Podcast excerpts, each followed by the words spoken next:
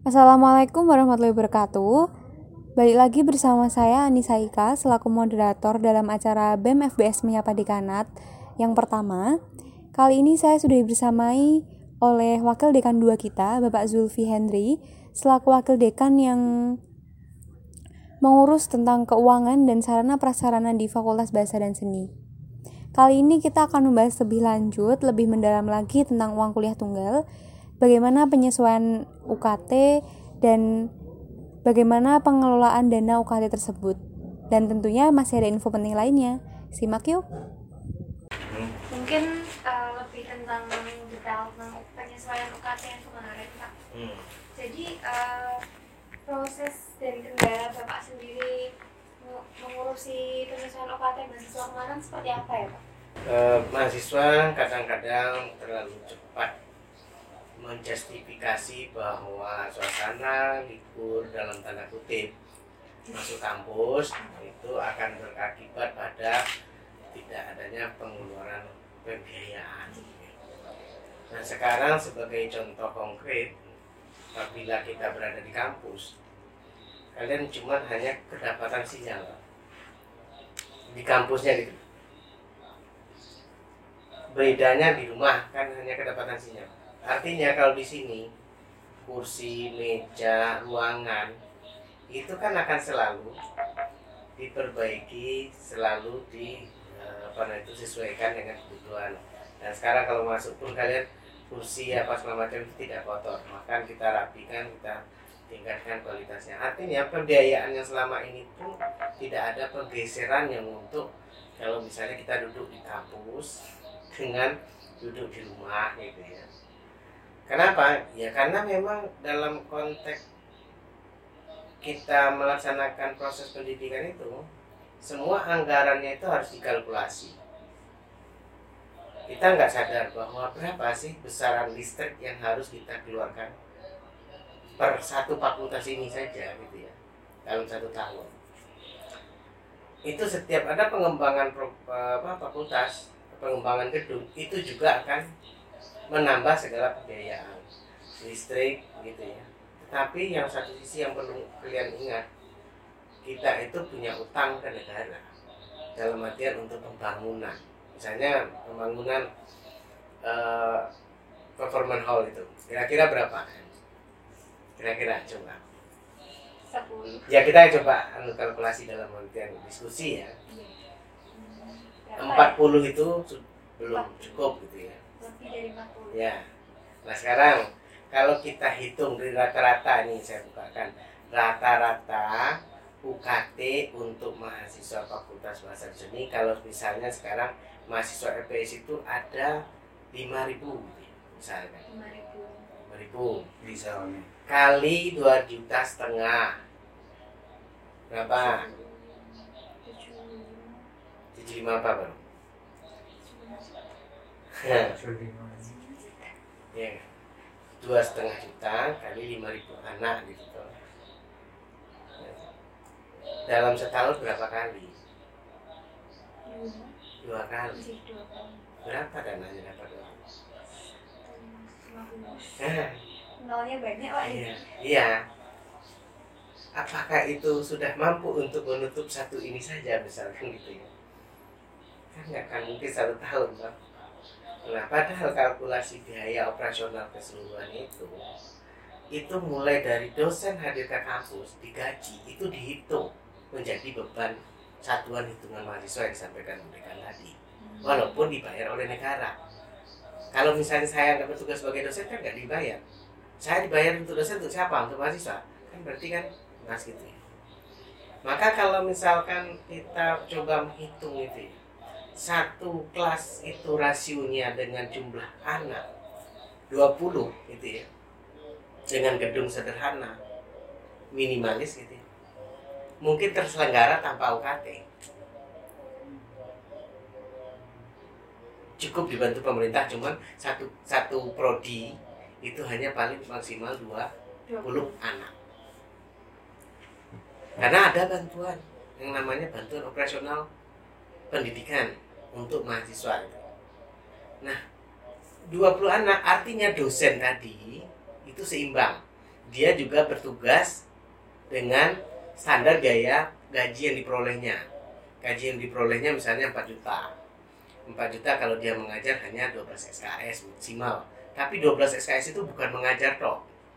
Mengajarnya hanya jadi 7 SKS yang duanya meneliti yang satunya pengabdian pada masyarakat yang satunya membimbing yang satunya bagian menguji bisa penasihat akademik udah selesai tugasnya gitu.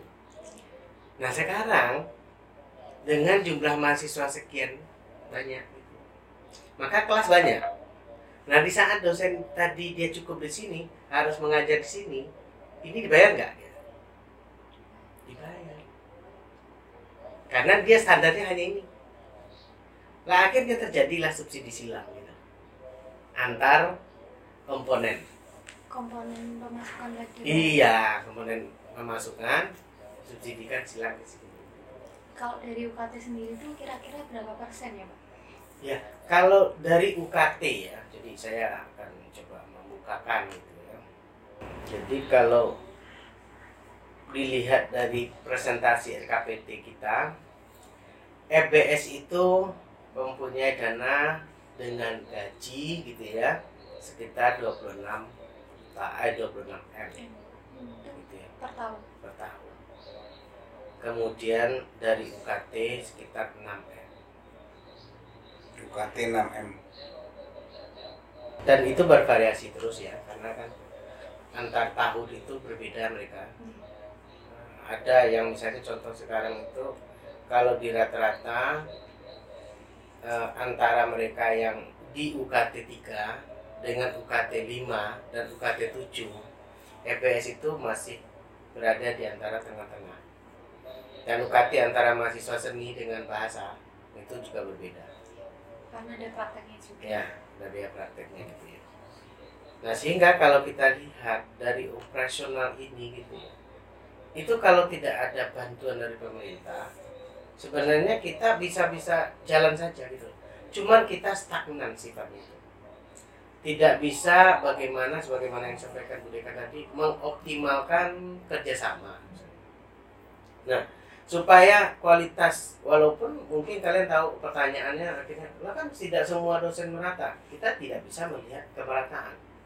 Antara kualitas dosen 1, 2, 3 itu memang bisa berbeda. Tetapi konsepnya di sini apakah kami bisa membedakan? Kan nggak bisa kami harus misalnya memfasilitasi satu dosen untuk meneliti. Nah, harus semuanya difasilitasi. Untuk mengkaji bagaimana dosen itu mengoptimalkan pembelajaran selanjutnya, bagaimana mengembangkannya, itu kita berikan dana yang namanya dana penelitian kepada dosen. Dana untuk penelitian dan PPM saja yang dikembalikan pada dosen gitu ya, untuk mengembangkan pem- pembelajarannya dan mengaplikasikannya di luar, itu sudah hampir 3 m. Itu yang kembali ke dosen. Untuk mengkaji segala macam itu. Sampai dia bisa menghasilkan tulisan sampai apa untuk berkompetisi gitu. ya dalam tanda kutip tadi apakah semua kualitas mutu dengan uh, dana itu akan sama? Juga enggak. Ini kan sama dengan mahasiswa juga gitu. Sama-sama membayar SPP 5 juta apakah antara kualitas yang 5 juta A dengan yang B akan sama Betul. itu kan belum tentu sangat bergantung juga pada kredibilitas. Tetapi paling tidak kita akan standar minimal. Nah semuanya itu kita berikan upaya yang sama, sehingga eh, dana yang kemarin dianggap oh ini kan nggak berjalan itu tetap berjalan. Berlaku penelitian yang daring ya juga tetap dilakukan proses penelitian secara daring gitu. Nah sehingga nggak ada justru malahan sekarang itu dengan covid ini kita menjadi sangat ini karena apa? Harga yang pada saat melonjaknya datang awal Covid itu, harga disinfektan gitu ya. Berkali-kali Thermobran yang biasanya 800 bisa jadi 4 juta kan. Yang harganya masker biasa ini kalau satu biasanya berapa? 5000 kan? Lima ribu tiga Iya kan? Ya, ini mungkin 5003 gitu ya. Pada saat Covid akan datang jumlah berapa?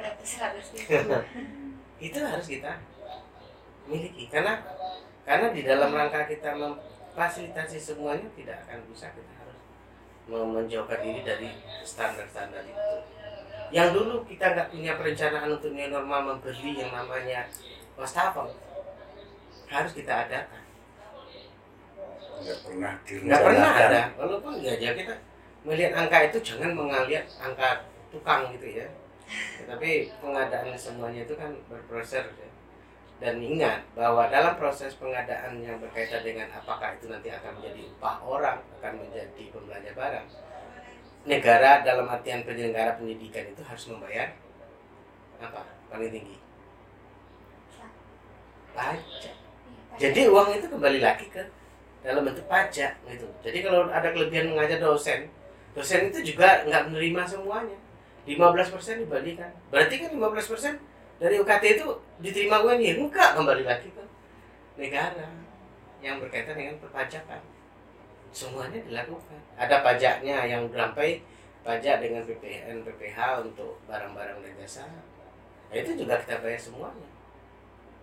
Jadi tidak utuh kembali gitu ya.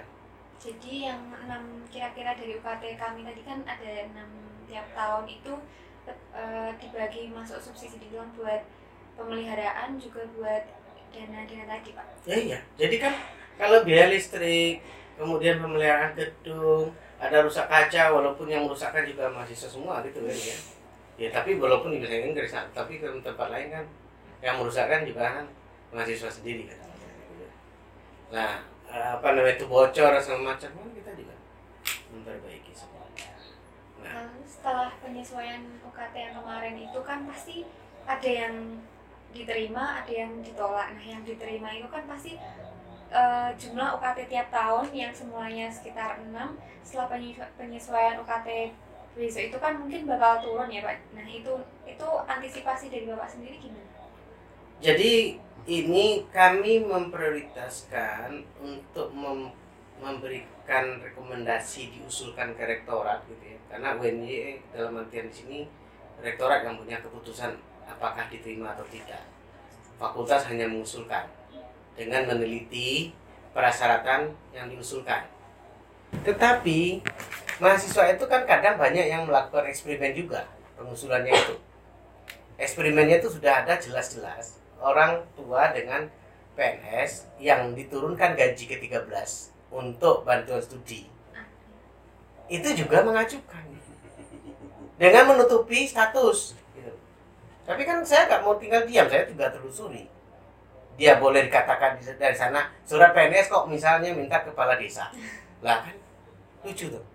Data gajinya kok misalnya mengetahui apa penghasilan penggajiannya PNS dari kepala desa. Kan ya lucu. Seharusnya kan surat daftar gaji orang tua. Nah, akhirnya ada yang memasukkan kakaknya bukan kakak orang tua.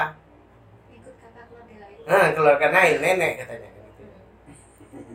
Nah, lah eh, akhirnya kan ada upaya-upaya untuk anu. Padahal kadang-kadang saya juga bingung ini ini saya bukakan aja. UKT 1, harga UKT 5000 eh 5 500 ribu gitu ya. Pekerjaan orang tua eh, karyawan BUMN. Ini real mengusulkan untuk bebas UKT. Cuma 500 ribu. Ya. Angkatan 2015.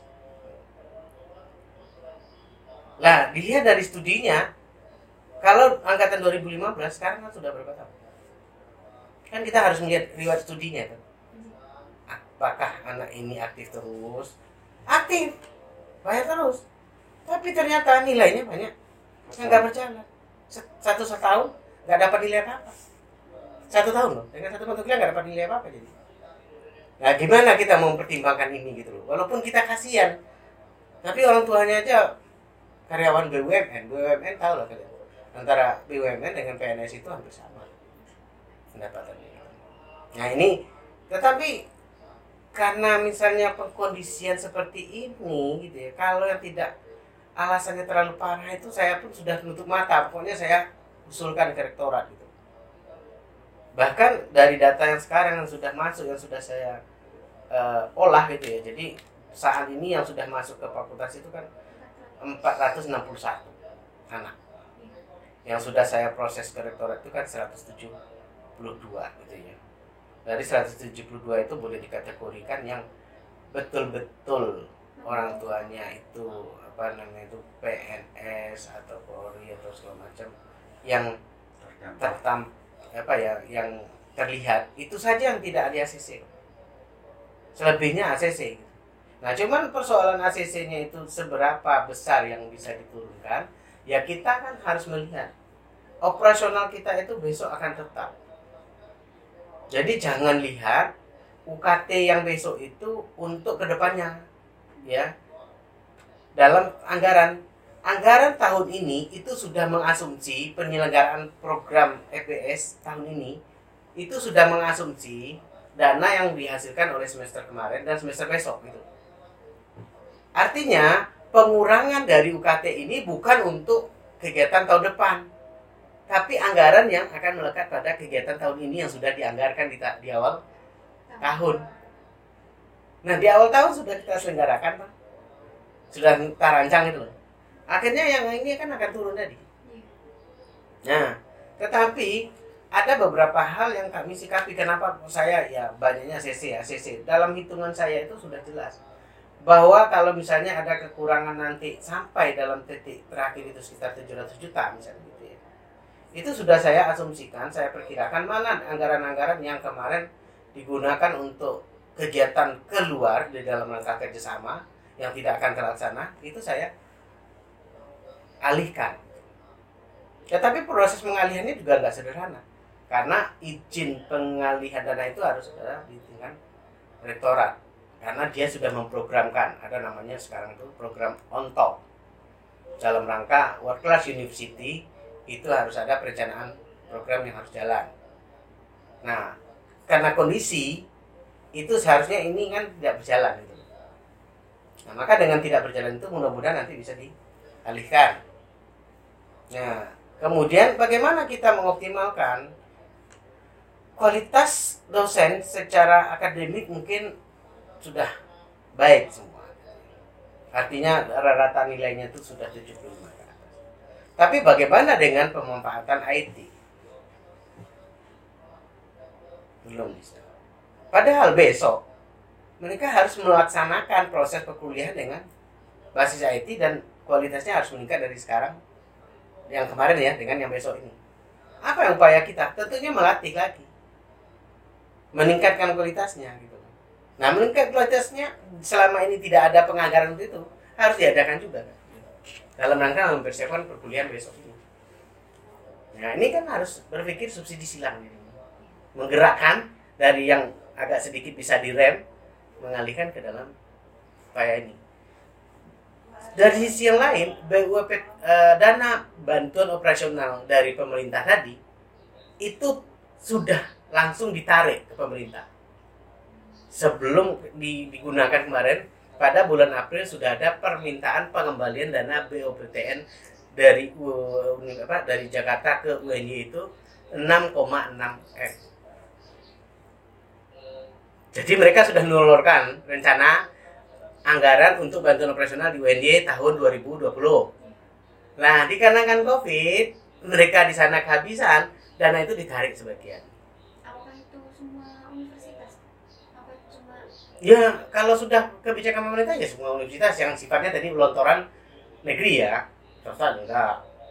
Ya, sehingga kita kembalikan dan banyak juga dana-dana operasional penelitian yang biasanya diturunkan oleh uh, pusat ke universitas yang lolos yang secara seleksi itu juga dibatasi gitu.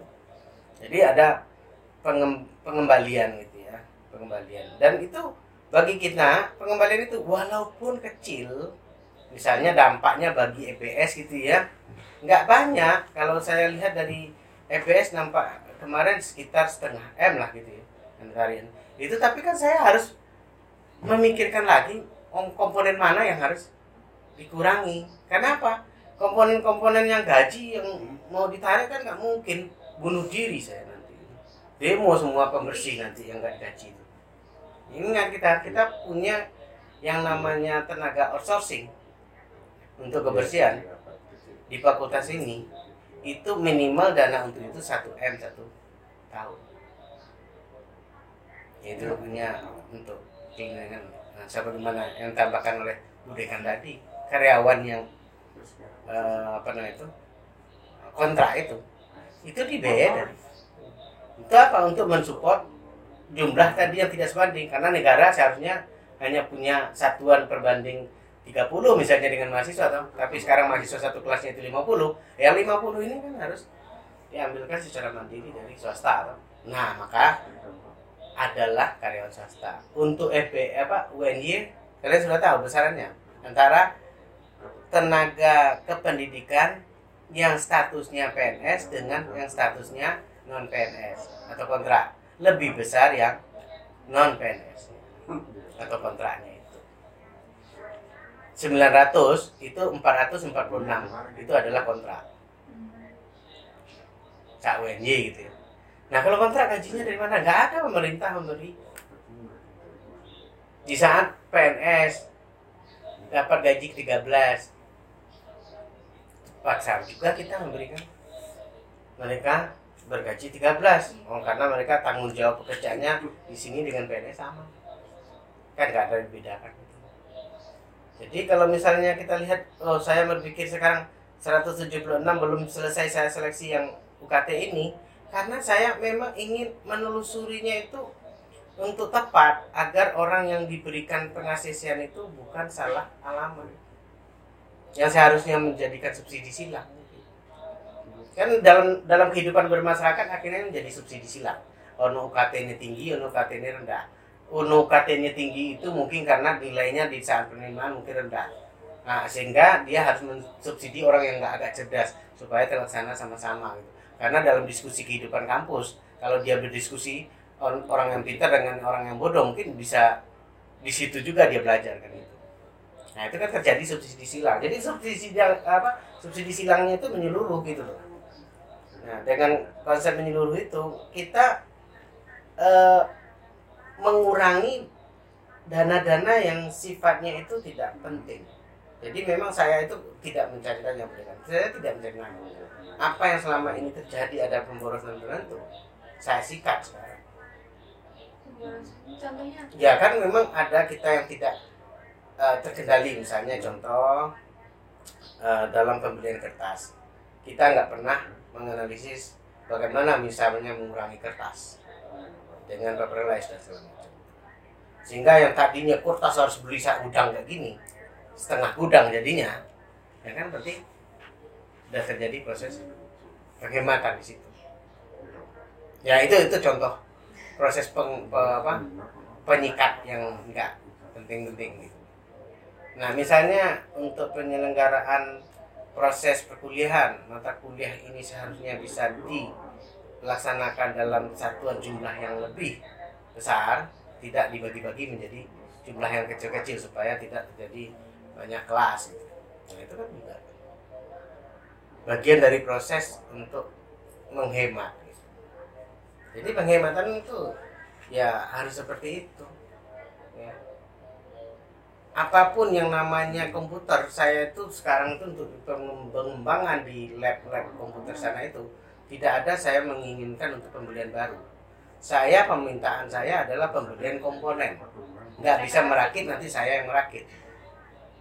Gitu. Pembaruan komponen.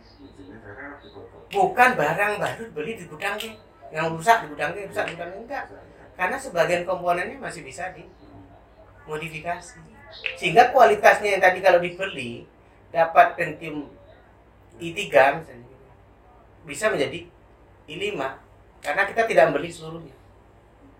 Nah ini ini upaya untuk meningkatkan kualitasnya. Nah, itu strategi yang kita bangun. Jadi sama-sama habis tetapi kualitasnya akan berbeda. Sama-sama kita selesai dalam artian surat menyurat, tetapi kertas yang dikeluarkan kan jumlahnya berbeda. Kan? Nah sehingga target kita kalau misalkan ada upaya mah, apa namanya ke luar gitu ya, itu untuk mahasiswa pun kita support. Kalau boleh tahu, Iya. eh, Bapak itu waktu proses verifikasi itu kan dibantu tim verifikator. Nah itu eh, dari mana dan tugasnya itu kira-kira seperti apa ya Pak? Jadi eh, sejauh upaya untuk mengkaji tentang perekonomiannya, kalau kan banyaknya masuk kan bergantung pada skimnya. Iya. Skimnya itu apakah masuk tentang ekonomi yang terdampak atau misalkan eh, apa, penanggung biayanya itu meninggal atau mungkin barangkali dia tinggal menyelesaikan studi akhir tetapi dikenakan nggak mampu mengumpulkan data maka kita akan menelusuri dengan syarat-syarat itu kalau memang mahasiswa akhir itu seharusnya ya apalagi 2015 gitu ya 2015 berapa tahun itu? ya 10 semester ya Nah, kalau misalkan dia sekarang alasannya itu mengam- terhambat mengambil data, itu wajar dong. Karena dia proses di lapangan. Tetapi dia nggak mampu menunjukkan bahwa dia sedang mengalami hambatan pengumpulan data. Kalau toh dia mengatakan, saya terhambat dalam pengumpulan data, tunjukkan apa proses yang dilakukan. Syaratnya sudah mendapatkan surat izin penelitian kan syaratnya sederhana toh Nah di saat syarat sederhana itu gak bisa dipenuhi, bagaimana kita percaya bahwa dia terhambat di dalam pengumpulan data? Uang proposalnya aja belum. Gimana kita ACC? Kenapa? Kalau dia memang mampu menunjukkan dia terhambat dalam pengumpulan data karena COVID, kan efek efeknya COVID ini. Maka dia besok bebas SPP, eh, bebas UKT. UKT-nya berapa? 5, 5 juta? Ya bebas UKT-nya besok 5 juta kan gitu. Nah, 5 juta kalau misalnya yang ngajukan aja 100 juta apa 100 anak misalnya berapa juta ya? Kan 500 juta. Gitu. Tapi kenapa yang apa eh, keringanan untuk yang tugas akhir untuk 2015-2016 itu kenapa harus ada syarat harus melakukan penelitian lapangan itu gimana? Oh nggak ada yang mengharuskan penelitian lapangan. Ya. Enggak, enggak, enggak. Itu mungkin salah tangkap ya. Jadi Jadi pengumpulan data. Hambatannya itu dalam rangka pengumpulan data. Misalnya saya pengumpulan lapangan itu saya hanya bisa harus berkumpul kepada jenengan misalnya gitu kan. Misalnya data saya data apa? Kalau misalnya jenengan akan melakukan penelitian, data jenengan itu hanyalah buku atau cerpen. Apakah dalam COVID ini terlambat? Terhambat gitu loh. Mungkin bisa jadi karena bukunya di perpustakaan itu pak nggak bisa ke perpustakaan. proses buku kan tidak bisa dihambat karena di sini layanan misalnya dia mau mengonline apa menggosenkan itu juga sudah dibuka. Peminjaman gosen karena dia hanya mengkaji puisi misalnya gitu. Lah datanya itu kan bukan dari orang lain bukan ke lapangan. Jadi kita juga kalau misalnya rasionya itu dia tidak ke lapangan seharusnya dia penyelesaiannya tidak terhambat karena sekian persen mahasiswa sudah didata itu mampu melaksanakan ujian di semester ini dalam kondisi COVID. Artinya apa? Mereka serius menjalankan. Berproses kan? Tapi kalau misalkan oh si A, si B antara orang yang betul-betul terkendala untuk penyelesaian studinya dengan kondisi atau dengan malas, masa yang malas mau disamakan dengan yang tidak malas? Ini kan berbeda. Kalau tidak dia malas nggak mampu dan ini pakailah anu skim yang lain. Oh bisa. Loh kan skim orang tuanya nggak mampu kan dia masuk. Eh, maksudnya misalnya kalau eh, udah dari skim TA itu udah misal tidak memenuhi, apakah masih udah ditolak? Apakah masih bisa? Ya kalau proses pertamanya pasti ditolak, tetapi setahu saya kemarin proses keduanya nanti akan dibuka lagi untuk usulan yang lain? Oh, jadi masih bisa mengusulkan skim yang lain. Iya. Kalau udah benar-benar ditolak dengan skim Iya. yang lain. Jadi kan mereka yang harus melakukan kajian dulu. Makanya kita minta mahasiswa itu untuk mematangkan diri pengusulannya itu ke mana. Karena tapi kan kita hanya cerdas toh. Pilih-pilih yang besar yang mana kan gitu ya. Kalau misal kebebasan kan gede yang pembebasan kan gitu ya. Kalau penurunan kan hanya turun kan gitu. Nah sehingga mau pilih kan pilih pembebasan. Nah pada saat pembebasan nggak memenuhi persyaratan gitu. EBS lihat aja yang yang betul-betul tidak terlihat itu karena dia memang hanya mensengajakan untuk memproses pada saat menjelang menjelang eh, apa masa berakhirnya usulan pembebasan UKT surat izin diuruslah segera gitu ya nah padahal kan kemarin-kemarin kan punya waktu yang normal. Ini nggak pernah dilakukan. Eh, terus eh, kan kemarin itu yang kebebasan itu kan golongan satu dan dua ya pak. Tapi kenapa hanya golongan satu dan dua? Yang tiga sampai tujuh itu kenapa nggak dapat? Atau penurunan gitu? Tiga empat penurunan? Ya pembebasan. Kenapa hanya Ya, gini. golongan satu dan dua? Maksudnya terdampak itu kan kadang ada golongan atas yang mungkin juga terdampak. Ya terdampak kan diturunkan kan diturunkan golongan atas. Kenapa? Karena yang atas itu kalau kita bebaskan angkanya itu nggak sama dengan UKT 12 UKT 12 itu hanya 500 dan 1 juta. Ya toh? kalau yang UKT 5 berapa nilainya? Ya? 3,6 sampai 4. 3,6 kalau diturunkan jadi 22,6 berapa nilainya? kan sebanding nggak dengan yang dibebaskan ke T12 Oh, T 1 cuma bebaskan 500 gitu. Yang diturunkan 800 misalnya besar yang mana?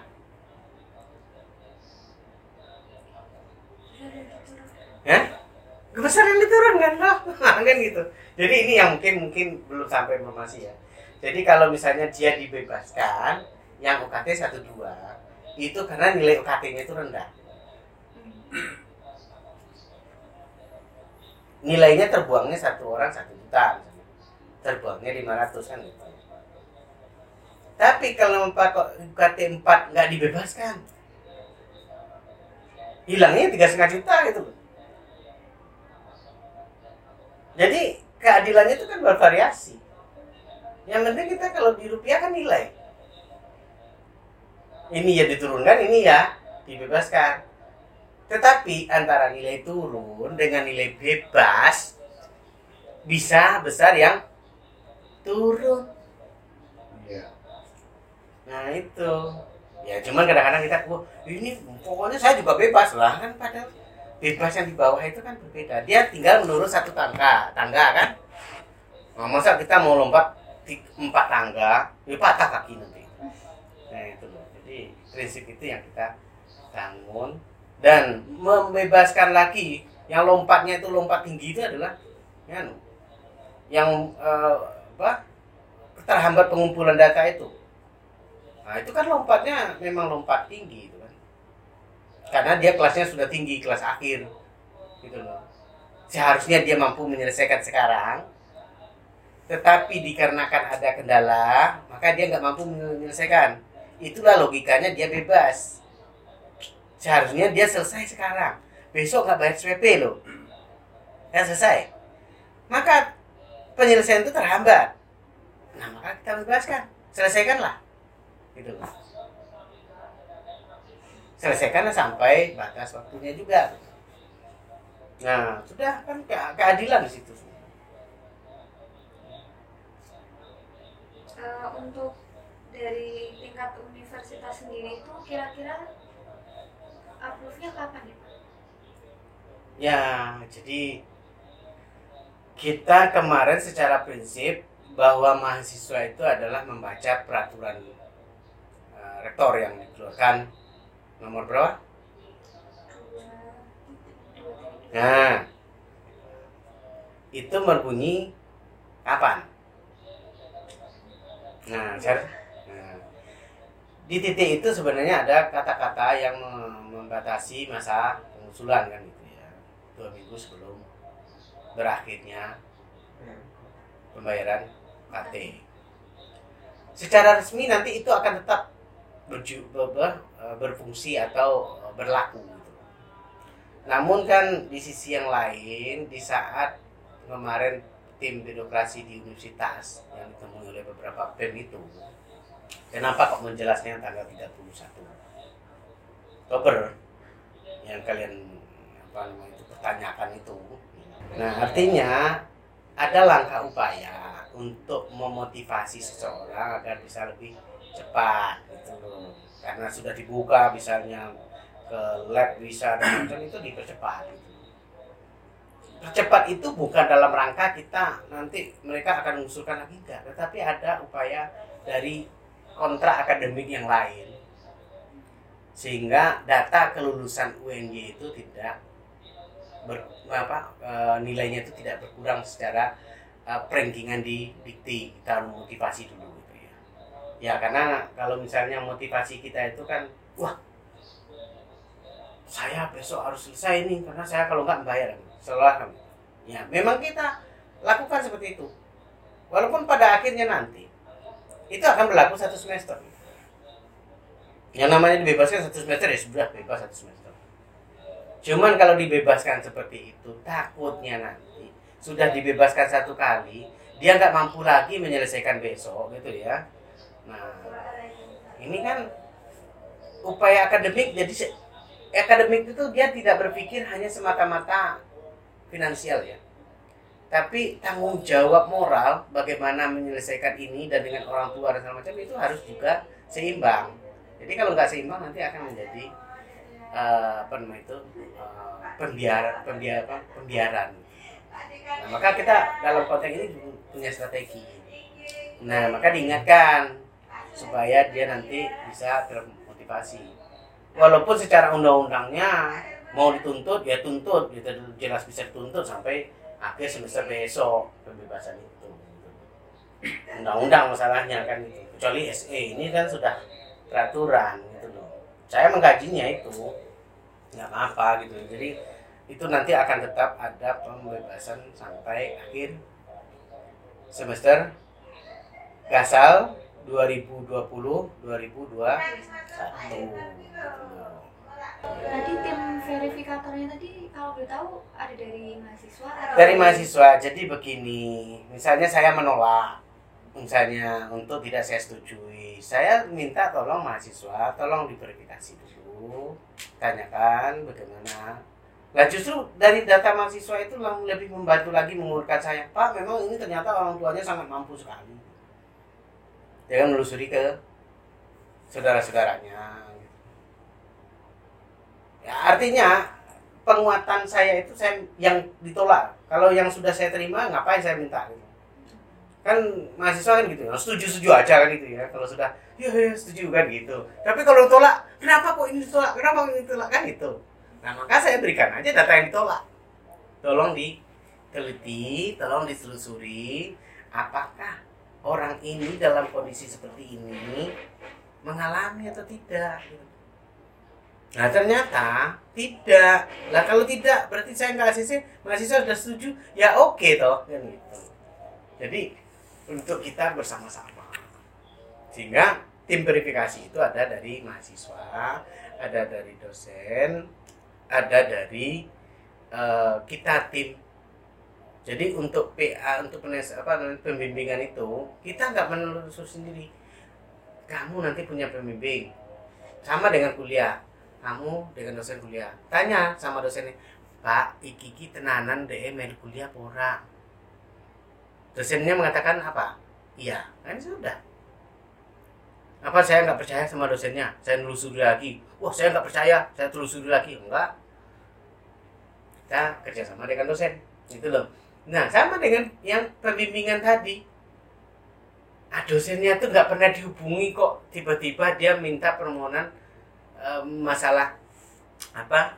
Tidak bisa mengumpulkan data. Ya dosen yang membimbingnya kan kebingungan toh. Walaupun sebagian besar subjektivitas itu ada antar personal itu wajar gitu ya. Misalnya si A agak ringan sedikit. Kalian kan tahu juga kan sudah tiga berapa semester di sini? Tiga. Oh TW tiga toh. Walaupun tiga kan sudah pengalaman toh. Kira tuh ringan sedikit gitu. Iki rada apot sithik gitu. Ya kan. Nah, iki ki isi-isi binyang sithik gitu loh. Misalnya terlambat, Pak, isi-isi terlambat sih Pak, ya sithik. Tapi kan ono sing gak gelem sama sekali. Ya wes kan gitu. Lah, persoalan itu masa akan kita samakan kan nggak bisa. Kebijakan kita harus di tengah-tengah. Iya kalau A berkata A, ya kita harus ngikuti gitu loh jadi selama ini ya memang kalau di data sementara itu kan yang EBS yang sudah lapor ke BEM berapa yang penolakan yang penolakan gitu kan. Yang sedikit sekali. Cuman skim yang di penolakan itu karena dia salah penempatan. Kita sudah katakan skim satu orang tua yang apa, meninggal dalam kondisi covid karena akan berdampak juga toh pada eh, ekonomi selanjutnya. Maka dia harus minta skim satu. Tetapi dia orang dia kuliah di sini angkatan 2017 contoh gitu ya. Orang tuanya meninggal tahun 2015 nah padahal dia menerima penerimaan ACC pembayaran UKT tadi kan setelah orang tuanya meninggal. Nah kok sekarang dialasankan orang tuanya sudah meninggal gitu kan nggak pas. Orang tuanya meninggal tahun 2015 dia masuk kuliah 2017 berapa tahun tuh jaraknya? Dua tahun. Lah sekarang tahun 2015 eh, 2020 menggunakan alasan bahwa kemampuan perekonomiannya turun karena orang tua meninggal. Nah, gimana dia menjalankan dari 2017 sampai 2020 tanpa orang tua juga kan? Karena orang tuanya meninggalnya tahun 2015. Lah, di logika sederhana saja. Lah berarti kan saya mengusulkan, mbok kalau ekonominya kurang, nggak usah mengusulkan kayak skim satu kayak gitu. Jelas nggak ACC gitu pasti larinya skim yang eh, pen, apa, penyesuaian UKT. Nah, persoalan tahapan yang diterapkan oleh universitas itu harus disadari bahwa belum tentu juga ekonomi orang tua itu turun menurun setiap saat gitu loh. Jangan-jangan ada orang tua yang setelah COVID berakhir ini ekonominya melonjak tajam bagus. Ada yang mungkin barangkali jadi pengusaha yang selama ini bermain di online kurang bagus ternyata ke depannya semakin bagus. Nah berarti kan ekonominya semakin membaik. Karena sekarang kan luar biasa jangan kira pedagang itu sekarang bodoh-bodoh ibu-ibu rumah tangga itu sekarang hey, ting ting tiap pagi itu udah buka WA itu. Apa bunyinya? Iki pesanan si A pesanan si B pesanan si D. Nah kan gitu. Dia nggak perlu lagi ke pasar dia sibuk pagi-pagi ngotong ngantar rumah si A ngantar rumah si B. Sudah cerdas ya dia dia merangkap pasar online sekaligus menjadi ojek gitu ya nah, karena dia ngantar sendiri gitu. Nah itu bisa saja nanti perekonomian kita kan berubah. Jadi memang kita akan melihat dulu. Jadi ONG itu memilih ini tahun untuk semester depan. Gimana semester depannya? Lah lihat lagi lah kondisi gitu loh. Kalau misalnya lebih baik lagi asuh apa ya kita perbaiki. Tapi kalau tambah memburuk ya kita akan mengkaji lagi kan gitu. Sehingga kajian itu bertu, bertingkat gitu. Ya berarti tahun depan masih ada lagi pak menurut ya nanti lihat lagi gitu ya. Tergantung situasinya lah i kehidupan tuh begitu. Jangan kita mendahului lah gitu ya. Ini pertanyaan terakhir terkait penyesuaian UKT. jangan jangan pertanyaan terakhir. Besok masih boleh. Iya. Maksudnya tentang penyesuaian UKT Pak, nanti Oh, masih iya. mengulik detail lagi. Oh, gitu. Eh, harapannya buat pemohon sendiri Pak kan ini podcast biar bisa didengarin teman-teman pesan-pesannya apa gitu Pak biar tersampaikan secara menyeluruh gitu kan nggak harus nggak harus ngabarin satu-satu nggak harus atau satu Iya, saya berharap kalian jangan ngabari satu-satu capek. Saya aja untuk menelusuri satu-satu capek gitu ya. Walaupun 400 baru misalnya dia orang tuanya di PHK dari pekerjaan A gitu ya. Tetapi PHK-nya dari desa. Nah, ya kan lucu. Jadi harapan saya itu adalah usulkanlah sesuai dengan kondisi yang real. Sadarilah bahwa kondisi Covid itu bagian dari dampak pada masyarakat secara menyeluruh. Sehingga kalau yang masih mampu, ya anggaplah besok kita ber- beramal bagi yang lain. Iya. Jadi nggak usah berkeinginan memotivasi kita untuk ikut-ikutan gitu. Kalau yang dengan kesadaran itu akhirnya nanti termotivasi. Oh, saya besok akan saya minta anak saya untuk tidak mengusulkan karena saya masih mampu gitu ya. Dan saya kadang-kadang bisa meneteskan air mata membaca malam-malam data itu orang tuanya petani, bapaknya juga petani gitu ya. Kemudian dia membuat surat itu. Saya kondisinya hanya saat ini maka saya hanya mengusulkan untuk mencicil itu orang tuanya terlalu saya telusuri lagi. Iki orang tua kok tenan iki. walaupun dia sangat tidak mampu terlihat itu tapi dia tidak mengusulkan skim yang lain. Dia mengusulkan skim cicilan. Ditulis di kata-katanya itu. Saya punya keyakinan bahwa Allah akan memberikan saya rezeki yang lain. Maka saya akan mengambil langkah untuk menyicil SPP demi anak saya. Itu orang tua gitu nah gimana kita di malam hari kadang-kadang? Karena penelusuran ini saya tuh kan pulang dari kerja baru bisa sampai di rumah itu kan. Saya katakan untuk menelusuri satu-satu itu wah kita punya uh, apa ya kotak batin gitu ya. Di saat membaca membuka itu aja. Kalau yang misalnya orang iseng itu aja yang sudah.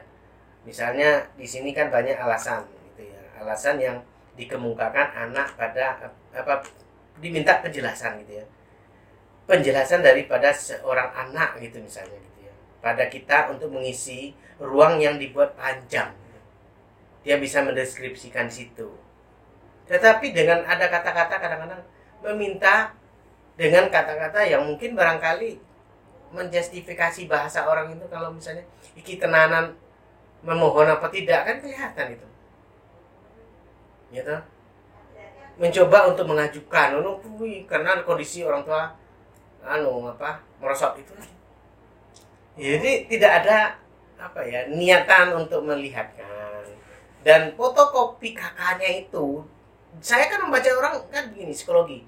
Teksnya begitu kemudian memfotokopi apa memotret kakak yang menjadi kelengkapan itu itu pun sedang remuk-remuk sudah dipoto gitu. Ini kan kadang-kadang menguji gitu. Ya tetapi kita ya gimana lagi dan kapan perlu kalau memang dia seperti itu saya ACC itu saya ingin membuktikan bahwa kita itu tidak akan memihak. Tetapi jangan sampai orang itu selalu hangat apa dengan emosi menguji orang lain. Ya kadang-kadang orang tuh ya kita kan manusia semua gitu. Jadi dari sini saya banyak belajar gimana psikologi gitu ya. Dan saya membuatnya kadang-kadang dengan tenang. Kenapa? Ya kelakuan semua perwakilan mahasiswa wakil mahasiswa misalnya sudah saya alami dari dulu gitu ya. Dan sampai sekarang pun masih dinikmati oleh senior senior saya. Misalnya yang waktu saya jadi ketua BEM dulu ada mantan dekan itu Profesor Suparno. Ya kalau pensiunan kedatang ke sini itu menyapa kami saling berpelukan. Itu kenangan yang tidak bisa kita lupakan gitu. Jadi ini kalau misalnya saya membaca seperti ini saya ingin menelusuri itu. Sejauh mana dia betul-betul memperhatikan dengan kebutuhan orang tuanya. Tetapi kadang-kadang juga kita yang kasihan itu tidak niat dengan baik untuk studi itu. Nilainya saya lihat aduh kok kosong semua kenapa? Karena saya ingin mengatakan di sini itu saya menelusuri mulai dari data pribadinya dokumen studinya ya riwayat studinya riwayat orang tuanya, data orang tua awal dengan data yang ada sekarang, saya bisa menelusuri gitu. Ya, dengan yang ada sekarang, usulan sekarang. Ya.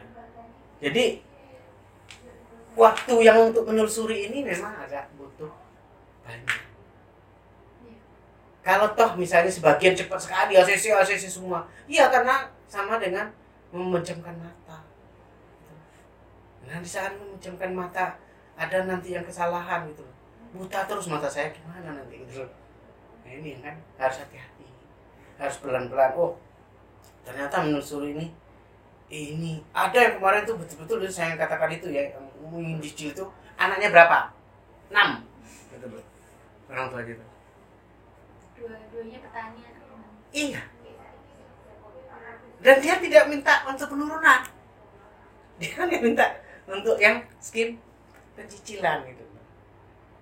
Sampai kan saya kalau sudah seperti itu saya ingin menelusuri jauh malah nah malam pun saya nunggu sampai subuh saya telepon. Orang tuanya gimana pak kondisinya? Apa bapak memang sudah me, me, apa, memberikan rekomendasi ini pada anak saya? Iya pak.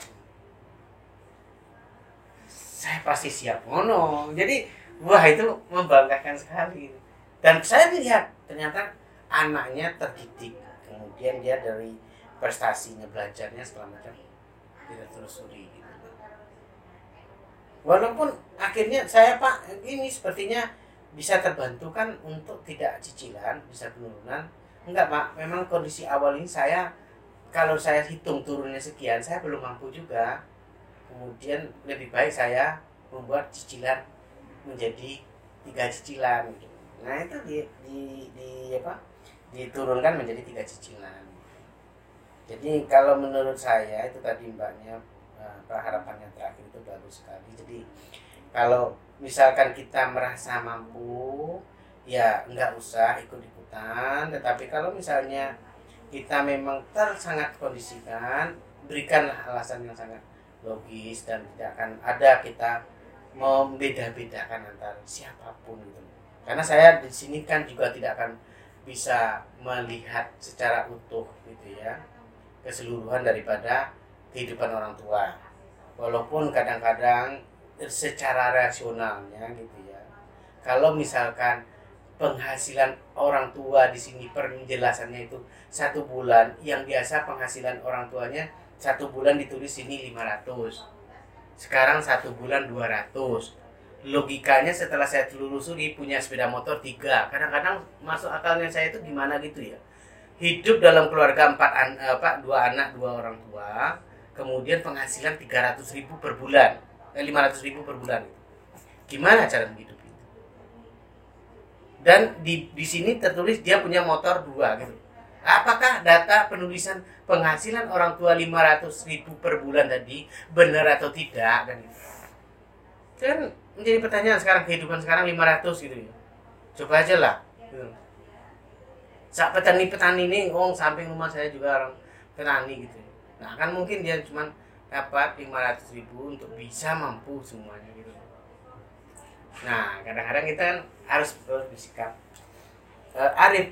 Ya saya nggak mempedulikan itu. Ya sudahlah. Ini karakter untuk upaya mengajukan. Ya saya biarkan saja. Itu akhirnya untuk itu saya merem saja tapi saya menyusuri yang lain. Oh ini masih logika turun logika tidak gitu. Sampai bahkan saya membuat skim yang tidak ada di sini. Skim. skim bayangan saya dengan pesanan. Oh. tolong ini diturunkan 50% saja dari perbedaan ini. Saya buat nah itu kan karena alat apa ya untuk menguatkan supaya nanti kalau nggak dibantu juga rasanya nggak adil. Kalau dibantu turun dia terlalu besar. Nah maka saya membuat skim skim turunkan 50% nah nah itu. Eh, jadi tadi terkait dengan penyesuaian UKT yang kemarin udah dilakuin, mungkin batasnya tetap sampai 30 Juni kan Pak yang tingkat iya. fakultas itu. iya contohnya sampai sekarang masih masuk Iya. Ya walaupun kemarin ada beberapa gejolak oh kok sudah stop gitu ya. nah jadi saya akan terbuka juga bahwa saya penelusuran di tim pusat itu itu saya selalu mengomentari bahwa kita harus ber apa, bersama-sama memberikan kesempatan yang sama pada anak dengan eh, data sekian cuman barangkali kan eh, perbedaan waktu yang kemarin awal-awal kan agak sedikit eh, jumlahnya sedikit ya mungkin yang tapi di akhir-akhir ini kan meledak. Sehingga waktu yang kita butuhkan untuk mengoreksi itu kan semakin semakin lama gitu ya. Nah, dan semakin banyak ada upaya pokoknya mencoba dulu. Jadi yang saya katakan tadi mencoba-coba banyak juga itu loh.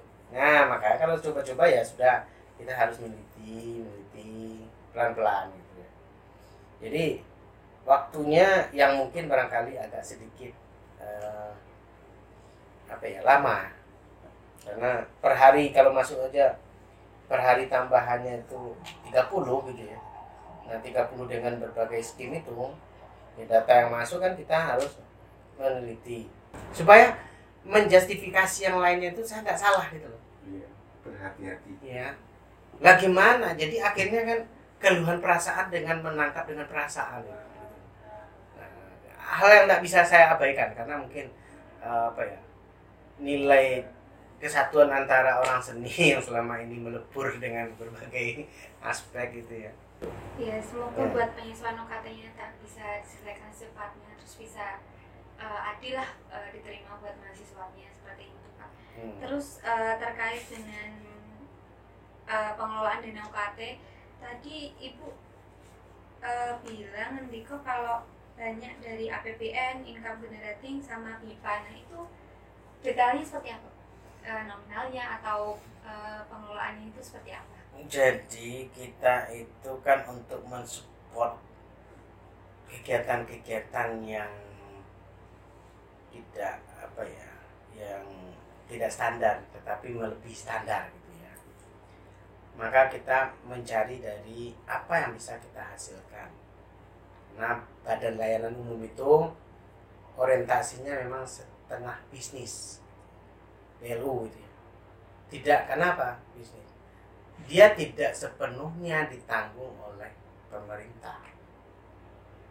Kalau besok dia sudah masuk ke BUMN atau badan eh, layanan eh, apa eh, PTNBH, Yang level tertinggi itu. besok kan UNY sedang mengusulkan ke Oh proses. proses ke level tertinggi perguruan tinggi gitu ya kelompoknya Iya. Jadi sekarang masih tetap di layanan umum itu. ya masih kita berada di dua level 2 level 1 itu yang sudah itu kan sekarang ada enam perguruan tinggi ya Level satu itu yang satuan kerja. bukan Yang paling Oh, bawah. yang paling bawah satker. paling bawah saker ya di bawah kalau yang kita di tengah-tengah. Dan eh, ya empat lah. Yang pertama kan eh, awal seperti sarker bawah ya. Jadi sarker itu dibagi juga menjadi dua tahapan gitu ya. Kemudian ada PLU kemudian kalau yang dulu namanya PTNBH eh, apa eh, BUMN sekarang menjadi PTNBH gitu ya badan hukum. Itu kan seperti gajah-gajah baru yang hukum ya Dan untuk yang LPTK X IKIP itu baru UPI gitu kan Oh. yang berbadan hukum. Nah kalau berbadan hukum itu kan pemerintah tidak membantu operasional sama sekali, hanya membantu gaji untuk orang yang sudah PNS. Selebihnya enggak, gitu ya. Maka semuanya dibisniskan. Nah kita karena di tengah-tengah berusaha sekarang untuk menambah masukan dari income generating.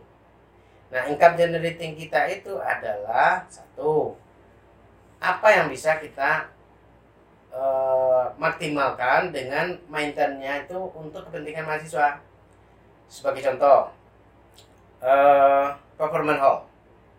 Performance hall itu kalau kita tidak cari income generating dari luar, maka dia nanti akan diserap dana operasionalnya itu atau maintenance-nya itu dari dana dalam semua. Dapat dari UKT, digunakan lagi untuk itu gitu ya. Tetapi kalau kita bisnis kan, kita bisa mendapatkan income dari luar untuk memerankan perbaikan ini. Karena yang namanya gedung seperti itu tidak bisa tidak dilakukan perawatan. Maka biaya perawatannya itu kalau didapatkan dari luar, ini kan bisa untuk kepentingan lain. Gitu. Nah, sehingga harapan kita income generating kita itu besar. Ternyata untuk satu tahun itu nggak sampai setengah M gitu. Kecuali FIK. Jadi per fakultas itu tidak bisa disamakan. FIK itu income generatingnya besar sekali. Gor lapangan, Iya. Nah, benar. kolam kolam renang, fitness dan segala macamnya itu. Itu pengelolaan yang salah masuknya ke sana income generatingnya. Iya tuh. Sedangkan yang kita apa baru? TH kadang-kadang. itu lah. Pendopo. Pendopo Kadang-kadang banget. ya saya nggunak kemanten paling ya tiga tahun sekali gitu. ya kantin yang kantin ukuran kecil itu ya pemasukan satu kantin itu dalam satu tahun mereka membiayai tujuh juta setengah kalau enam berapa baru masuk 32. nah itu baru kan nah sekarang sebagaimana yang disampaikan Bu Dekan tadi 32 juta ya 40 yang bisa kita operasionalkan itu nggak masuk. Karena baru dua bulan Januari mereka sudah tutup. Gitu loh. Mereka baru berharap-harap pas mau main naiknya mahasiswa masuk ke kampus nah itu sudah nggak ada. Gitu loh. nah sehingga memasukkan itu sekarang nol. PH juga nol. Padahal PH itu kemarin sudah saya rancang supaya wah ini agak gagah ini. Sudah kita kontrak dengan luar itu perjanjian itu lebih kurang sekitar 20 kali ya. Yang disewa gitu ya. 20 kali kalau misalnya 20 juta aja sudah dapat sekitar 400 juta dari situ. Nah tapi ya Tuhan mengatur berbeda. Untuk tahun ini belum gitu ya. Tahun depan mudah-mudahan gitu ya. Nah, kita- jadi income generating itu untuk upaya bagaimana kita mensubsidi dan memberikan dana-dana tersebut supporting apresiasi terkait dengan prestasi. Siapa pun prestasi. Prestasi mahasiswa, prestasi dosen, prestasi karyawan. Karena dana prestasi itu sebenarnya tidak bisa di SPJ-kan. Jadi dari UKT yang dikeluar dibayar diterimakan itu tidak bisa sebenarnya untuk memberikan apresiasi sebuah uh, penghargaan gitu ya karena penghargaan penjuaraan pada ini itu di SPJ nggak berlaku gitu ya tetapi kalau misalnya itu diambilkan dari dana yang sifatnya income generating ya olahan itu boleh untuk memberikan apresiasi misalnya dosen yang uh, sudah sering mendapatkan publikasi internasional berskala Scopus gitu ya. Nah itu bisa diapresiasi. Mahasiswa yang pemenang lomba apa-apa itu bisa diapresiasi. Nah itu karena dari usaha gitu. Tapi ya nasibnya sekarang agak berubah gitu. Ya, walaupun kemarin-kemarin itu melonjakan-lonjakan mahasiswa yang mengusulkan untuk mau ke Malaysia kemarin sebelum Covid itu sudah saya catat hampir 16 orang mahasiswa EBS gitu ya ke Malaysia walaupun eh, apa timnya masih sama-sama ya sudah hampir kita CC gitu ya tapi nggak berjalan ya karena nggak boleh berangkat kan gitu jadi itu dana dari income generating yang bisa kita kembangkan gitu. tapi saat ini belum gitu ya. itu cita-citanya meningkat Eh, yang lain Pak, dari BIPA sendiri Nah, BIPA itu begini.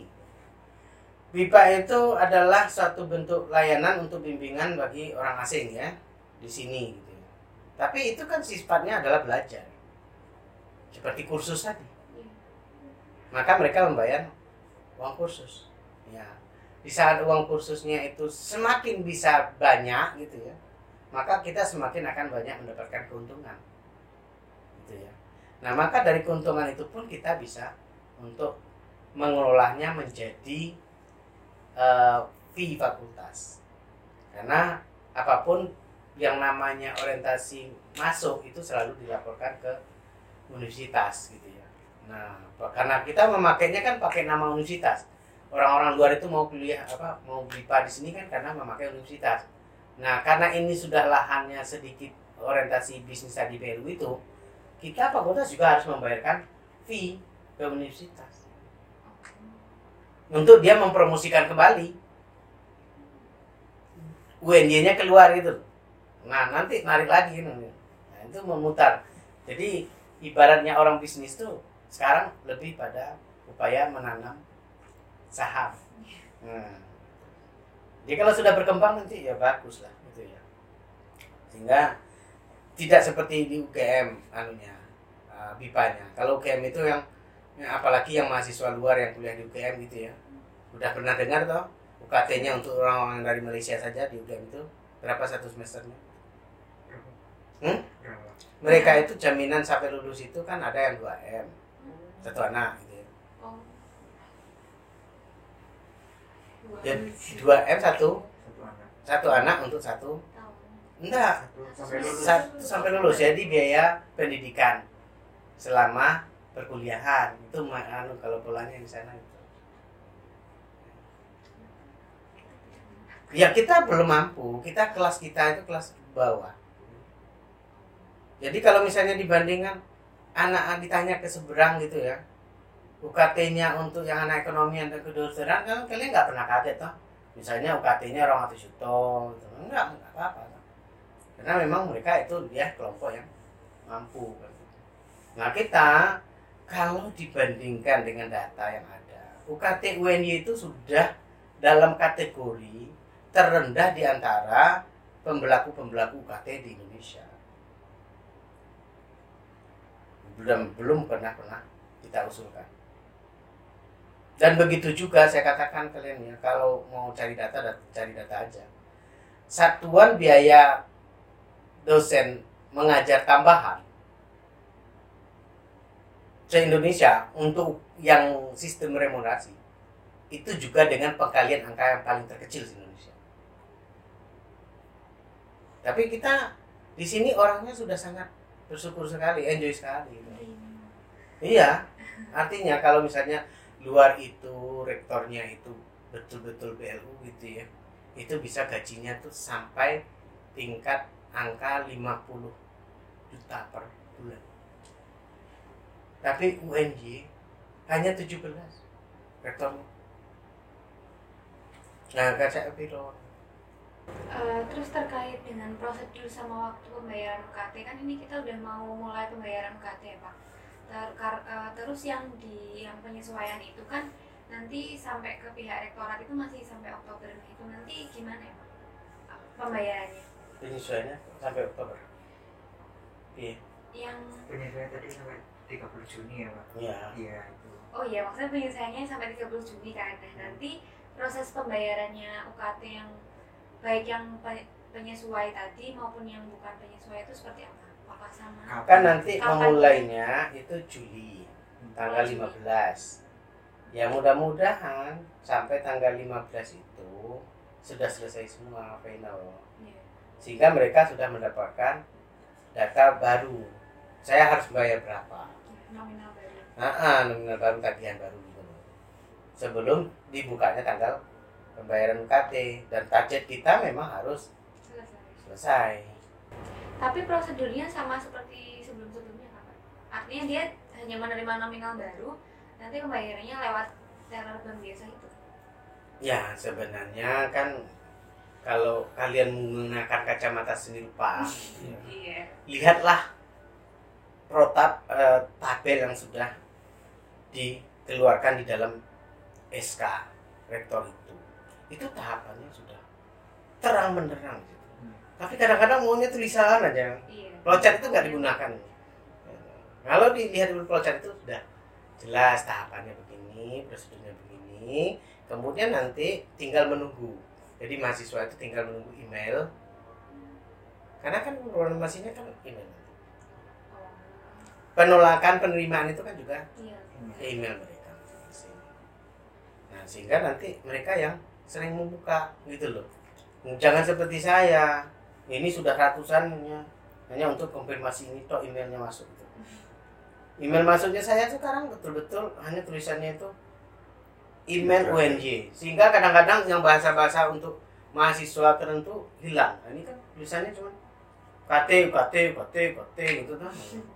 Nah, warnanya tuh nggak manis itu loh.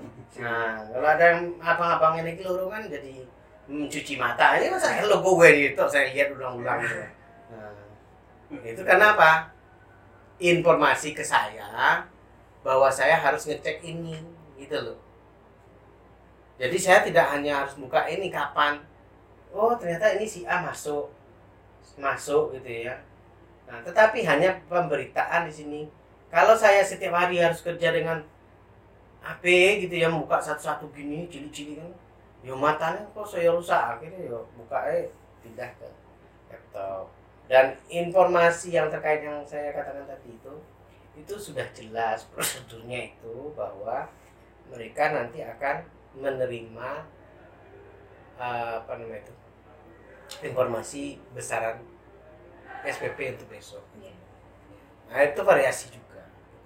Tapi kesepakatan kita kemarin ya menurunkannya yang berjenjang gitu. Itu ya. Jadi yang bebas jangan di anu dituntut gitu. Karena angka kita berbicara. Iya. Terus kalau kemarin itu saya saya dan mungkin teman-teman itu ada eh, dengar kabar yang dari Kemendikbud tentang diskon diskon UKT 50% tuh gimana sih Pak? Membaca nggak? Re- Realnya membacanya eh, peraturan menterinya itu. Eh, kalau saya mungkin bacanya itu ke setelah semua surat edaran dari Kemendikbud itu eh, 50% kan untuk mahasiswa yang sedang skripsi atau tugas akhir itu kan Pak. Kalau saya itu bacanya se yang 50% nya untuk itu tapi mungkin pemberitaan ke teman-teman pemberitaan ke anu itu jadinya tuh eh, menjurusnya itu ke loh kok ini ternyata ada 50 ke semuanya tapi ternyata memang enggak gitu Pak. Jadi UN itu sudah kecepatan malah. Mm-mm. Targetnya sana 50 ini malah 100% dulu. Iya. 12-an itu loh. Tapi kan nggak mungkin lagi ditarik. Iya. Untuk yang tugas akhir itu 50%. Tapi UNY sudah terlanjur kalau memang mampu mereka menunjukkan bahwa mereka terhambat tadi itu dibebaskan 100%. dan Edan ora nah, nah. Tapi kan kan kalau sesuatu yang sudah keluar itu nggak usah ditarik. Gitu. Jadi ada memang dicicil kan sama bahasanya itu toh. Iya. Ada yang diturunkan eh, kategorinya kan itu. Sama bahasanya menteri itu. Yang terakhir, paling terakhir ini ada. Iya, ini paling terakhir Pak. Hmm. Eh, Enggak, maksudnya paling terakhir surat dari Kem- Oh, Kemendikbud itu, gitu ya. Ini Hmm. juga ngepasi pertanyaan terakhir, Pak. Hmm, pesan sendiri untuk mahasiswa tentang keseluruhan lah, Pak, tentang terkait dengan sikap penyesuaian, terus menunggu verifikasi tentang uh, bayaran UKT, tentang segala macam. Biar maksudnya biar teman-teman Yakin gitu ya. yakin. Ya, yang masih berkeinginan silakan diajukan sampai batas waktu. Juni. Ya. Dan tidak usah buru-buru untuk menunggu pesan tentang uh, diterima atau tidaknya usulan tersebut. Karena nanti sebelum waktu pembayaran tiba, pesan itu akan sampai pada yang berkait ber- bersangkutan gitu loh. Toh pada akhirnya sekarang diinformasikan pembayarannya juga besok gitu loh. Tapi upaya untuk kita menginformasikan secepat-cepatnya akan kita upayakan. Iya. Ya. Target kita kemarin tuh satu anak masuk gitu ya setelah diverifikasi dengan sampai batas dia kami mendapatkan informasi jelas itu kami akan mentargetkan 14 hari sampai ke YPS bukan 14 hari dari usulan tapi kita konfirmasi gitu loh. Jadi dari usulan itu kita mengejar maksimal tiga hari sudah data anak itu maksimal tiga hari sudah terverifikasi. Artinya terverifikasi itu perlu mendapatkan keterangan lanjutan gitu. Jadi jadi mulai dari mereka diterima sampai kita mendapatkan jatah memverifikasi data itu itu kita cuma mentargetkan tiga hari. Kemudian masuk ke universitas dilihat lagi kalau ada yang kealpaan dari tingkat usulan. Karena sifatnya fakultas hanya mengusulkan. Mereka memutuskan. Nah ada kealpaan di sini kan mereka mendata ulang kemudian sampai dari waktu itu tidak melebihi 14 hari sampai ke mahasiswa yang mengusulkan melalui email. Targetnya kita begitu. Nah toh tentunya karena kita juga tidak bisa melibatkan banyak orang. Kalau saya bisa melibatkan kabang bisa melibatkan semuanya ini Pak Wadek oh mo- monggo buka Pak. Lah kalau kami bisa untuk kebijakan ini membuka semua wah cepat pekerjaannya gitu loh. Tapi ini kan supaya rasa keadilan yang diinginkan tadi bisa sama maka kita membentuk tim yang terbatas. Ada unsur A unsur B gitu ya. Nah sehingga kita saling memberikan percayaan. Budekan memberikan kepercayaan ke saya. Lah maka percayaan ini kan nggak mungkin disia-siakan. Karena saya hanya pekerja pembantu Budekan tanggung jawabnya ada di Budekan gitu. nama yang keluar nama Budekan walaupun saya yang klik di sini gitu tapi klik dong ACC bukan Zulfi yang keluar sana. Dekan gitu. jadi saya hanya min- apa namanya itu? Minjam nama. Gitu. dari layar. Beli layar gitu. Tapi yang itu yang rusaknya orang-orang beli layar itu nanti juga gitu nih jadi ya kita pastikan bahwa proses ini akan kita lakukan sebaik-baiknya seadil-adilnya dan memang membutuhkan waktu sehingga sedikit bersabar. Toh bahwa proses ini berjalan terus menerus kami menyatakan ini berjalan terus menerus kenapa yang awal-awal itu eh, cepat karena jumlahnya sedikit. Dan kebanyakan kita juga menunggu waktu akhir-akhir gitu loh. Ya. Jadi kalau bisa yang segera masih membutuhkan ya segera usulkan. Kalau yang tidak misalnya meyakinkan akan membantu orang lain nggak usah untuk mengajukan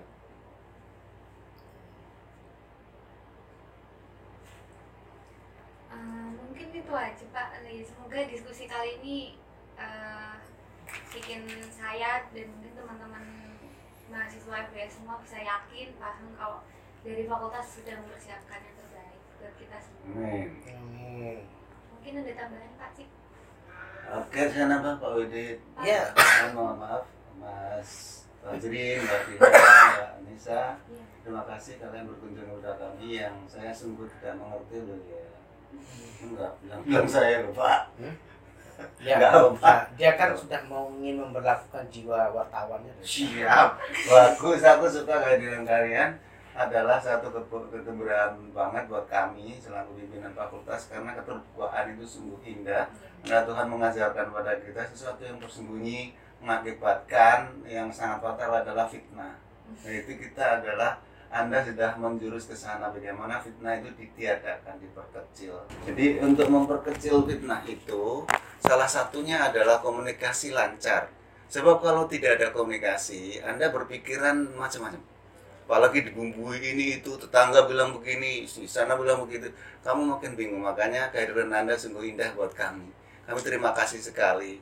Ah, pesan dari WD3 mahasiswaan itu emang ah, seperti bapak biasa. Berpesan pada anaknya adalah yang utama adalah mari kita berusaha terus berdoa supaya tidak terpengaruh hal-hal yang dari luar yang bisa jadi justru menyesatkan kita.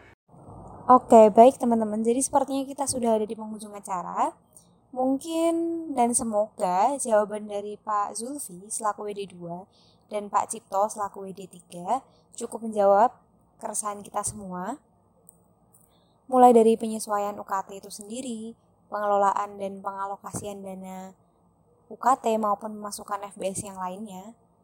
Oke, mungkin saya mewakili BEM FBS Kabinet Gotong Royong tahun 2019-2020 pamit undur diri. Semoga eh, kita semua selalu diberi kesehatan di tengah-tengah pandemi ini. Sampai jumpa di lain waktu. Wassalamualaikum warahmatullahi wabarakatuh. Salam budaya.